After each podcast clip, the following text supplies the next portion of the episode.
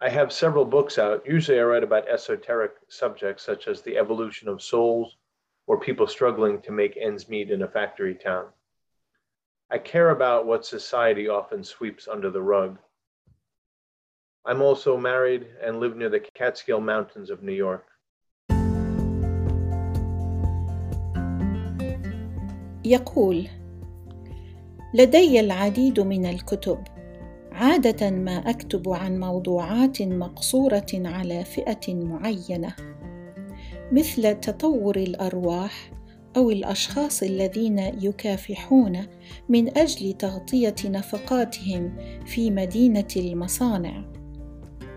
أنا أهتم بما يجتاحه المجتمع في كثير من الأحيان تحت البساط. أنا أيضا متزوج وأعيش بالقرب من جبال كاتسكيلز في نيويورك. thank you